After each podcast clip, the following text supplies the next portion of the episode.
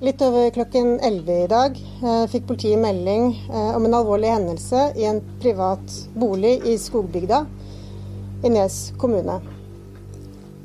På stedet ble det funnet eh, fire døde personer. I et hvitt hus tett opp mot veien i Nes på Romerike står vinduene åpne. Det luftes ut røyk. Det var inni dette huset politiet fant fire døde mennesker. Raskt kom det opplysninger om at de drepte var i nær familie. En far tok livet av to døtre og sitt eget barnebarn før han tok sitt eget liv. Jeg heter Tor Erling Tømterud, og dette er Krimpodden i VG.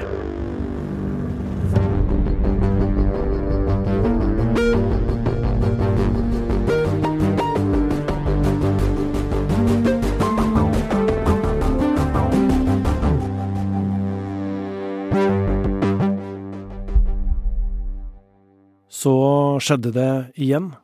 En ny, tragisk og stor drapshendelse. Vi skal gå gjennom det vi veit om disse drapene som skjedde tirsdag i skogbygda i Nes på Romerike. Og dette starter jo som en vanlig dag, men så får politiet en melding, Øystein. Hva er det som skjer da? Det er jo klokka 11.16 at det kommer eh, nød, et nødanrop eh, inn til politiet, sånn som eh, vi har fått opplyst. Og så har det vært litt uklart hva som ble sagt, men det har jo nå kommet mer informasjon etter hvert som politiet har fått mer oversikt og fant det riktig å, å si mer om som, hvem som ringte, og hva som var budskapet i den dramatiske samtalen. Og det var jo da mannen i huset som ringte politiet og sa at han hadde drept begge de to døtrene sine, og også et lite barnebarn. Uh, I samtalen så sa han også at nå hadde han tenkt å avslutte sitt eget liv. Politiet rykker jo da selvfølgelig ut med en gang.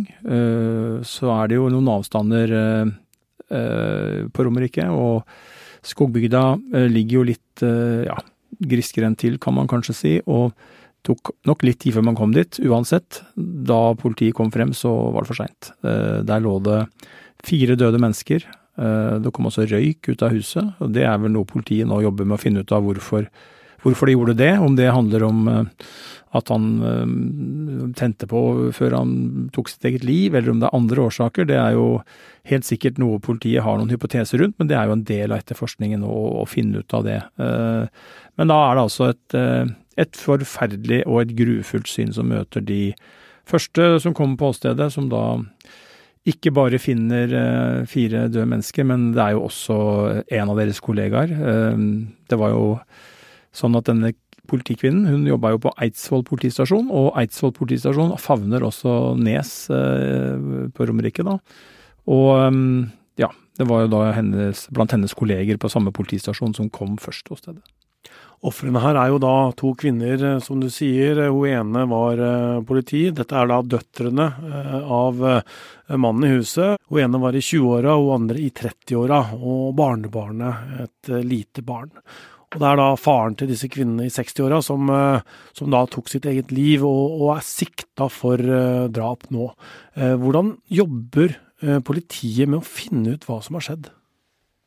Nei, det var jo eh, Det er jo flere faser. For det første, så når man kom dit eh, på tirsdag, så var det selvfølgelig Det første som man måtte finne ut av, var jo om det var mulig å redde liv. Var det sånn at han faktisk hadde gjort det han hadde sagt? Hadde han, hadde han drept alle sine tre familiemedlemmer, og hadde han tatt livet sitt? Når de fant ut at det hadde skjedd, det helt tragiske hadde skjedd, så Eh, måtte man jo få kontroll på den røyken. Og så starta man jo da eh, et mer litt sånn litt mer kontrollert uh, arbeid. Varsling av de pårørende selvfølgelig er viktig, men rent sånn etterforskningsmessig på åstedet så handler det jo da om å sikre bevis. Og det kan være alt fra gjenstander eller spor som man mener kan knytte seg direkte til handlingen, men også om det kan finnes bevis i huset som kan kaste lys over motivet her, for det er jo et eh, stort og ubesvart spørsmål som man søker svar på.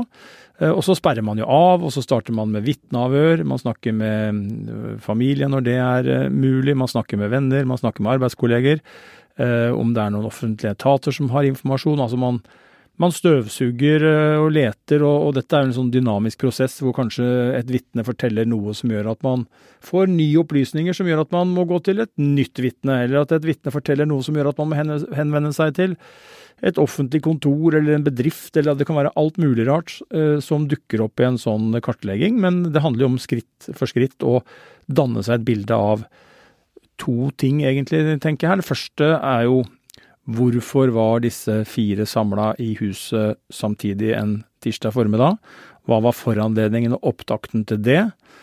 Eh, og så er det jo det neste, og det er jo å forsøke å finne ut om det om er det noe i historikken her som kan kaste lys over det som har skjedd. Det behøver det ikke være. Jeg har vært borti saker som ligner denne, og hvor man ikke fant noe svar. Eh, det var ikke noe tegn til noen ting. Det kan jo være, og som sikkert er en hypotese politiet følger, om det er inntruffet en form for sykdom. Eh, og det tredje vil jo være at det er et bakteppe, eller en form for et bakteppe, noe som kan forklare det. Eh, selv om det er vanskelig å forklare dette her, så det kan jo ikke forklare det sånn sett, men som kan kaste lys over og kanskje kan lede i retning av at, at om det er noe, så er det der det må ligge. Og det kan jo f.eks. da være eh, en eller annen relasjonsbasert ting, kanskje, da. Men dette er jo sånn Når politiet er på stadiet her nå, så er jo alle disse hypotesene noe man bare trekker ned, legger på bordet og begynner å jobbe etter. Det er for tidlig, for vi, vi veit ikke, og politiet har jo heller ikke sagt noe om det. Men vi hadde jo voldsforskeren i studio som sa det var um, ofte i sånne typer saker um, samlivsbrudd, og så var det en psykose, og så var det um, suicidalitet, altså det å ta sitt eget liv. Uh, en krise, da. Uh, men vi, som sagt, vi veit ikke, da. Nei, og det er jo det som uh, er viktig å finne ut av. Man kan jo tenke at Ingenting kan jo rette opp den eh, forferdelige skaden som har skjedd. Det er et lite barn og to eh, relativt unge kvinner som har mista livet, og det er en, en eh, familiefar og en bestefar som har gjort dette her, og som i tillegg da har tatt sitt eget liv. Så tragedien er jo, er jo der til, til, fulle uansett. og, og Derfor så kan man jo tenke sånn hvorfor Altså hva, hva, endrer det? Det endrer jo ingenting i den forstand at de er døde, de er borte. Men vi er nå sånn anlagt, og det er viktig for både familie, venner, lokalsamfunn eh, likevel da, å få et svar. For selv om det svaret man kanskje får i en sånn sak som det her, ikke er til å på en måte fatte og forstå, hvis det kommer et svar, så er det jo en sånn mekanisme i oss at vi lurer likevel på det for det. Og det er jo det Jeg vet ikke om det er en overlevelsesmekanisme eller hva det er, men det er, jeg opplever jo at vi, når, det skjer ting som vi ikke klarer å ta innover oss, så blir man jo veldig sånn Hvorfor skjedde dette? Kanskje det er noe slags slags håndfast eh, å, å gripe tak i på et vis. I hvert fall et håp om noe håndfast. Da. Så det er jo en viktig jobb for politiet nå, er jo å prøve å gi de svarene så godt det er mulig. Den ene kvinnen som er død, jobba som du sa i politiet i Eidsvoll. Eh, og Derfor er det Oslo politidistrikt som etterforsker denne saken nå. Politiinspektør Grete Lien Metli sa dette på en eh, pressebrief. Så um, kan jeg jo begynne med at uh, det bildet som ble tegnet i går, av at vi har en, en ja, nå har vi sagt en far og bestefar som ringer inn til politiet og sier at han har drept sine to døtre og et barnebarn. Det er også det samme bildet som tegner seg nå. Det er ikke noe som endrer. Det er Eh, det er det, det er det, store bildet, som også understøttes av den etterforskningen som er gjort nå gjennom kvelden og, og formiddagen i dag. Så har vi en del mer informasjon som vi foreløpig ikke har gått ut med. Eh, vi, eh, vi er noe tilbakeholdne på både, som jeg har sagt, flere hensyn her. Men vi vil løpende vurdere når vi kan gi mer detaljer. I dag er det mm, fire obduksjoner som gjennomføres. I forbindelse med dette så skal også den mer formelle delen på identifisering eh, gjennomføres. For den er ikke gjort, selv om det er ingen eh, ting her som tyder på noe annet enn det vi har gått ut og sagt, med hvem som er eh, både drapsofre, og hvem vi da mener er antatt gjerningsperson, og som også har en formell status som siktet. Eh, men det er først eh, når vi har gjennomført dette og noen andre etterforskningsskritt som går i dag, at jeg tenker at vi vil gå ut med ytterligere informasjon rundt, eh, rundt ofrene og, og, og gjerningspersonen. Nå når gjerningsmannen sjøl også er død, så kan det jo være at vi aldri får vite hva som har skjedd, og hva som har blitt sagt og hva som har blitt gjort inni dette huset. Nei, det kan hende. Og så vet vi jo f.eks. ikke om han sa noe mer enn det politiet har gjengitt foreløpig i denne nødsamtalen. Vi vet ikke om det er vitner som sitter på informasjon som kan kaste lys over det som har skjedd. Det er jo det etterforskningen må, må bringe på det rene. Um, og så har jo han nå da Det er jo en del sånne formelle ting som skjer nå. Nå skal jo de døde obduseres. Man skal fastslå en dødsårsak. Uh, politiet skal fastslå Når de får den dødsårsaken, så skal man også forsøke å finne ut av da har man jo sannsynligvis hvordan de er drept, og da er det å finne eventuelt et drapsvåpen og identifisere det. Så har jo uh, mannen i 60-åra fått uh, en forsvarer, uh, og det vil jo kanskje noen synes er rart, men det handler jo om å ivareta hans rettigheter. Han, selv om han er død, så er han anklaga for svært alvorlige ting. Han er jo anklaga for noe av det verste du kan gjøre, nemlig å ta livet av store deler av familien sin. To døtre og et barnebarn. Og så får jo de pårørende oppnevnt bistandsadvokater som kan ivareta dem i den rettslige eh, prosessen, selv om det ikke blir noen. Det blir jo ikke noen tiltale eller noen rettssak her. Så, så, så, selv om han har sikta nå, så, så, sier det seg sjøl at vi, vi, skal jo ikke dit. Men det er jo viktig likevel at de pårørende ivaretas på alle mulige måter. De får jo selvfølgelig oppfølging av, av helse, men får jo da juridisk bistand fra en bistandsadvokat som kan sørge for at de er ivaretatt i den prosessen også. Og igjen så, så sitter det jo familiemedlemmer her, eh, også til det lille barnet. Hvordan, hvordan, skal vi egentlig fatte dette her, og hvordan skal vi snakke om det? Ja, Godt spørsmål. Ehm, jeg tror at det er eh, Det er veldig vanskelig å fatte, det er umulig å fatte det. Eh, så tror jeg bare at det å snakke om det en sånn, har en sånn utluftende effekt, selv om det heller ikke, som jeg var inne på, hjelper noe. Vi blir ikke noe klokere av det nødvendigvis eh, hvis man ikke får ny informasjon. Det endrer ingenting, men samtidig så er det det har man jo sett i ja, til alle tider, at under kriser så søker folk sammen for å snakke med hverandre og være sammen og øh, ja, si ting som på en måte ikke endrer eller hjelper noen ting, men som likevel hjelper på psyken og ja, er en slags førstehjelp innen helse for de som står i en krise, da. Så, øh, så det er eh, Men også er det jo, ikke sant, det er jo det, er jo det som er her òg, at vi har et lokalsamfunn på Romerike, Skogbygda. Øh, vært der mange ganger, og det er et øh, lite, men ganske sammenvevd lokalsamfunn. 1000 innbyggere ca. Og dette er en familie som har bodd der i mange år. Og vi er jo begge fra landet, Tor Erling, og veit jo det at familier som bor lenge i et sånt nærmiljø som vi snakker om her, får mange bånd. Det er kanskje generasjoner uh, i noen tilfeller, hvor familier har stått hverandre nær, hvor uh, ja, slekt følger slekters gang. Uh, og Naboer? Ja, det er naboer, det er familier, og, og, du har levd et aktivt liv, ressurssterke mennesker som kan ha vært med i foreninger, i idrettslag, i ulike fritidsaktiviteter ellers. Man har fått sterke bånd til naboer, man har møtt Eh, venner som man eh, har livet ut. Eh, og når en sånn familie som vi snakker om her, rammes av en sånn tragedie i et sånt lokalsamfunn som vi snakker om her, så tror jeg at det på et vis blir eh, mye sterkere og mye verre fordi at det er, så, det er såpass mange som kjenner dem ganske Føler at de kjenner dem veldig godt, og at det er så det er bånd på kryss og tvers som strekker seg langt tilbake i tid kanskje også, som gjør at, at det blir uh, Uten å sette noe opp mot hverandre, så, men, men, det, men det, det, blir en stor krise lokalt. Mm. Du er jo fra området der sjøl, Øystein, og, og, kjenner jo folk som, som kjente denne familien? Ja, eh, apropos, nå bor jeg jo et stykke unna, men jeg bor i nabobygda. Men, eh, men eh, det viste seg jo etter hvert i går at, eh, at dette rykka nærmere enn eh, jeg eh, trodde.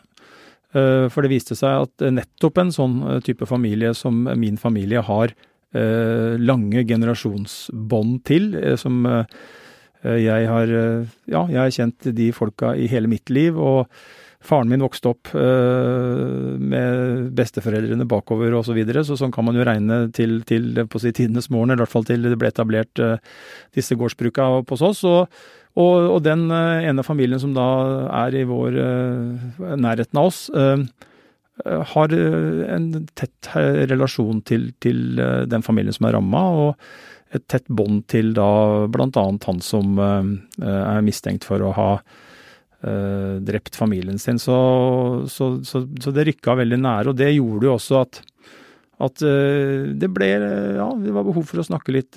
Døtrene våre lurte på hva som skjedde, og det, de rykka De er jo, de følger jo med, og de ser jo på nyheter og sånn, men vi merka jo veldig sånn i går hvordan det rykker nærmere når med en gang du har en Ja, du kjenner noen som sto dem så nær, da så, eh, så blir det litt sånn eh, Og det er jo i vårt politidistrikt, eller altså, ja, vi, vårt politikontor dette rammes, som vi liksom føler en Selv om vi ikke går ned, løper ned dørene der, så føler man jo på en måte at det er en del av det lokalsamfunnet man lever i. Eh, så det rykka nærme, og det ble merka til og med ja, på alle, alle døtrene at det var veldig mye sånn mye spørsmål og man lurer, da, og syns det er fælt, og, og, og det, jeg merka jo at det gikk jo Eh, det ble diskutert i venninnegjengen ikke sant, og hvor fælt de syntes det var, og de forholdt seg til at det var et lite barn, og de ser jo at det var en bestefar som hadde gjort det, og, og tatt begge døtrene sine med seg. Det, er, det blir veldig mange som, eh, som på en måte blir eh, berørt i større eller mindre grad av en sånn hendelse.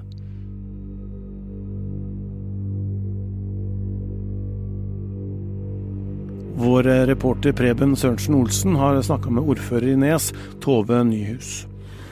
Ja, Det vi ser bak oss her er jo eh, mange mennesker som har vært og tent eh, lys. Vi ser jo også at eh, det er noen som har lagt ned blomster, og vi ser jo også at det er lagt ned kosedyr. Så det er veldig sterkt å være her og se lysene. Det er jo en billedliggjøring av den tragiske hendelsen som har skjedd. Eh, hvordan var det å få denne beskjeden i går, og hva har ditt arbeid bestått i siden da? Nei, Jeg må jo være ærlig og si at når jeg fikk beskjeden første gangen, så tenkte jeg at det her må være en øvelse. Det var jo eh, helt eh, uvirkelig. Det var vanskelig å ta det inn over seg. Vi forsto jo dessverre raskt at det er faktisk reelt. Det ble satt eh, kriseledelse i kommunen veldig raskt. Og mm, noe av det første som ble besluttet, var jo at man eh, åpnet eh, kirken. Det var naturlig å velge kirken fordi det er da et hus i nærheten av stedet hvor den triste hendelsen skjedde. Så et kriseteam, kriseteam kjørte til kirken og var jo der i hele går kveld. Det samme vil jo skje i kveld. Utover det så har det jo vært eh, forsterket beredskap eh, i nærliggende skoler i dag, med bl.a. helsesykepleier, sånn at barn og unge som har behov for å snakke med noen, har anledning til det.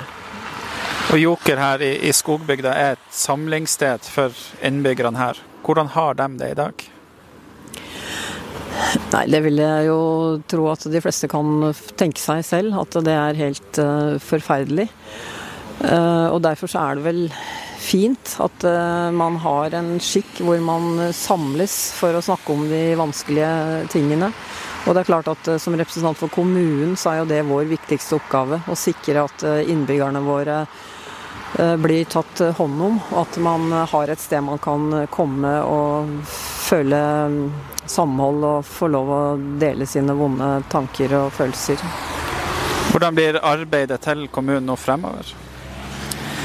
Nei, nå er jo Kriseledelsen er jo uh, litt standby og følger situasjonen fra håper å si, nærmest time, time, fra time dag til dag. Og uh, har jo da en beredskap sånn at man må iverksette de nødvendige tiltakene for å ivareta innbyggerne våre. Følg eh, vg.no for oppdateringer i denne saken, og Krimpodden kommer også med mer hvis vi får vite mer. da. Krimpodden samarbeider jo med alle VGs reportere som jobber med denne saken, og vi som lager Krimpodden er produsent Vilde Våren, krimkommentator Øystein Milli, Ruth Einevold Nilsen, Hanna Espevik og jeg, Tor Herring